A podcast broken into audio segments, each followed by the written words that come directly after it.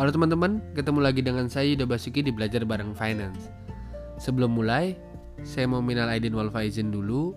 Mohon maaf lahir dan batin untuk semua teman-teman pendengar. Kali ini kita akan ngomongin soal new normal atau normal baru. Yang emang lagi rame banget jadi bahan perbincangan belakangan ini. Buat saya, ini di luar soal hiruk pikuk tentang isu kebijakan publik yang diambil sama pemerintah ya normal baru ini adalah sebuah keniscayaan, sebuah kepastian. Gitu. Setelah COVID ini selesai, mau nggak mau kebiasaan kita juga jadi ikut berubah. Yang tadinya kita makan cuek aja nggak pakai cuci tangan, nanti pasti akan jadi lebih rajin buat cuci tangan. Meskipun lagi nggak kepengen buat makan. Gitu. Termasuk soal pakai masker, yang kemungkinan besar bakal jadi sebuah kebiasaan baru kita saat keluar rumah. Meski cuma pakai masker kain gitu ya. Nah, itu kan tadi dari sisi kesehatan. Pencegahan dari sisi kesehatan. Kalau dari sisi keuangannya gimana? Normal baru. Karena jujur, teman-teman semua pasti jadi kerasa banget kan ya adanya dampak adanya pandemi ini di keuangan pribadinya teman-teman. Dari yang tadinya dapat gaji full, ada yang jadi dipotong gajinya, ada yang THR-nya sebelumnya full, sekarang THR-nya tidak full gitu ya atau bahkan sampai di PHK dan jadi pengangguran sekarang. Untuk teman-teman yang pengusaha juga kerasa banget pasti penurunan omsetnya. Nah, cash flow yang cash flow masuk yang terganggu mau nggak mau pasti berpengaruh banget ke cash flow keluarnya. Contoh, awalnya suami istri punya joint income 20 juta. Cicilan ongoingnya 15 juta. 75% dari gaji tuh. Nah, gara-gara adanya pandemi ini ada pengurangan gaji 50%. Jadinya cuma 10 juta. Nah, kreditnya jadi bermasalah kan? Kebetulan dari cicilannya tadi itu ada cicilan KPR 12 juta. Nah, selain pasangan suami istri ini nggak bisa bayar kredit, ini juga jadi masalah di likuiditasnya. Kenapa? Karena jualan fix aset kayak properti di saat krisis itu dipastiin bakal lebih susah. Ekonomi lagi nggak krisis aja jualan properti itu udah susah banget. Ini jadi lebih susah lagi. Karena mau over kredit ke siapa gitu kan.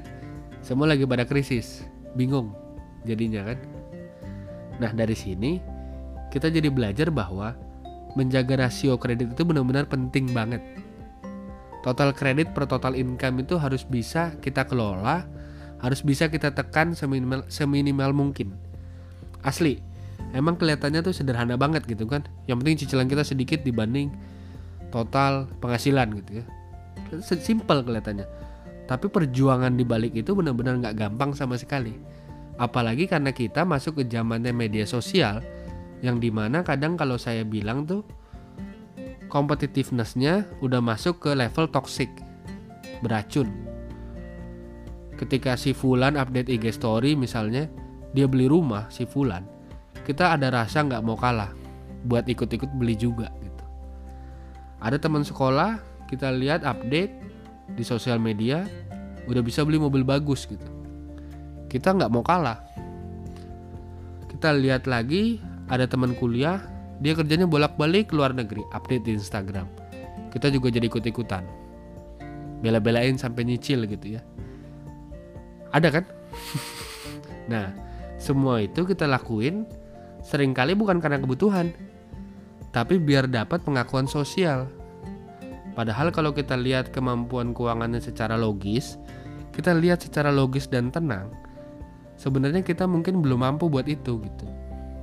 Cuma ya balik lagi ke tadi, karena media sosial kita sudah cenderung ke arah toksik, jadi kita sulit banget buat mau berhitung secara logis dan tenang. Karena sering kali ego kita, nafsu kita tuh sering banget akhirnya mengalahkan semuanya. Kita masih ngomongin seputar cash inflow. Karena berkurangnya arus cash yang masuk ke dompet kita, ini membuat banyak dari kita yang otaknya juga pada muter nih. Muternya kenceng banget gitu. Pasti banyak juga lah dari teman-teman belajar bareng yang begini juga, mulai berani untuk cari alternatif income selama pandemi. Ada teman-teman yang mulai jualan kopi literan gitu ya, ada yang mulai berani jualan kue-kue, hampers ketika lebaran kemarin. kerajinan tangan, banyak lah. Saya yakin teman-teman juga pada lihat sendiri di list IG story-nya kalian gitu. Betapa akhirnya kita akhirnya jadi sadar bahwa punya skill itu bisa jadi sangat berguna. Keahlian apa pun gitu. Contoh misalnya bintang Emon gitu ya. Komik yang biasanya tuh mereka kan harusnya butuh panggung gitu ya. Buat perform gitu, buat ngelucu. Nah, karena dia kreatif, di saat lagi begini, tawaran offline mungkin bukan mungkin pasti menurun. Nah, dia akhirnya menjadikan Instagram sebagai panggung alternatif.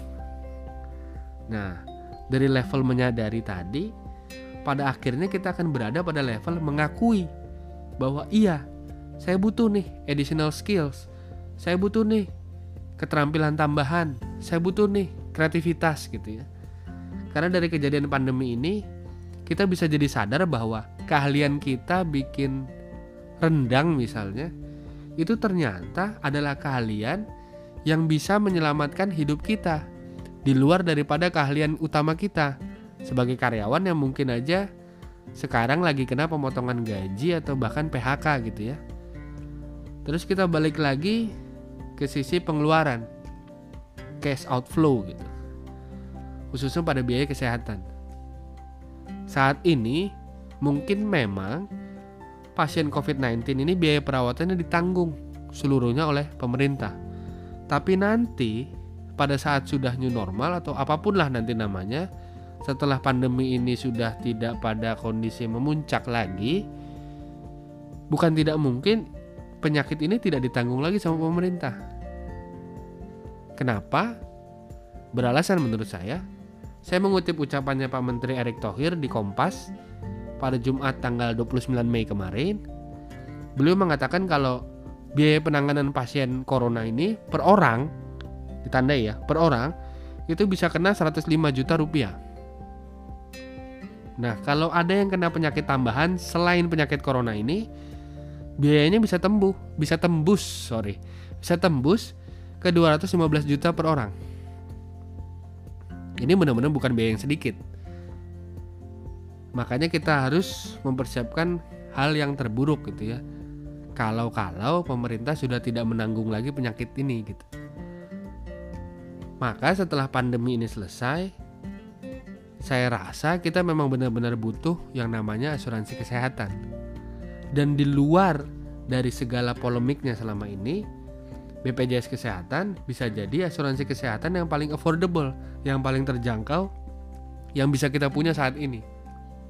Harapannya nanti, ya nggak cuma BPJS Kesehatan sih, tapi juga asuransi-asuransi lainnya juga bikin paket yang mau cover apa namanya penyakit covid ini gitu ya karena setahu saya sekarang udah ada belum sih asuransi kesehatan yang nanggung uh, penyakit covid ini nanti tulis di ini ya apa namanya di Instagram saya boleh kasih tahu di DM gitu ya di @yubaswan gitu. Nah, apa tadi? Oke, jadi jadi kalau semuanya dirangkum gitu ya, eh, apa yang udah saya apa yang udah kita bahas dari tadi, rangkumannya adalah setelah new normal nanti yang bisa kita lakukan adalah untuk siap secara finansial gitu ya saat new normal adalah yang pertama jaga rasio pengeluaran terutama rasio utang kita. Dan pastikan untuk menekan ego kita dalam-dalam. Kita tanyakan lagi tanyakan lagi tanyakan lagi sama diri kita ketika pengen beli sebuah barang tanyakan bahwa apa benar kita butuh barang itu atau enggak? Atau jangan-jangan itu cuman kepengenan doang gitu? Apa karena mungkin lagi tren barangnya padahal sebenarnya kita nggak butuh gitu. Nah ketika kita sudah bisa logis dalam mengelola pengeluaran maka otomatis ketersediaan free cash flow yang kita punya uang nganggurnya gitu ya persentasenya bakalan lebih besar lagi Nah, cash flow yang free ini yang nggak kita pakai ini bisa kita jadiin sebagai dana cadangan atau dana darurat gitu ya. Yang dana darurat ini kemudian bisa kita pecah-pecah lagi menjadi portofolio. Cash di tabungan, deposito, emas, reksadana pasar uang. Nah, Itu yang pertama. Yang kedua, alokasikan waktu dan dana kita untuk meningkatkan keahlian-keahlian yang bisa jadi sumber penghasilan tambahan kita di luar arus income utama. Ketimbang misalnya teman-teman ikut-ikutan tren kekinian gitu ya, renovasi kamar kos yang nggak cuma makan biaya gede gitu, tapi punya potensi sia-sia juga karena kan bakalan ditinggalin juga kan kalau waktu sewanya udah habis bener kan? Nah lebih bijak lagi kalau teman-teman yang apa senang masak gitu ya misalnya. Teman-teman ambillah kursus masak gitu. Syukur-syukur kalau teman-teman bisa belajar online dari YouTube aja gitu ya. Jadi modal yang keluar juga kan jadi lebih sedikit. Cuma modal bahan sama kuota gitu ya. Oh iya disclaimer nih.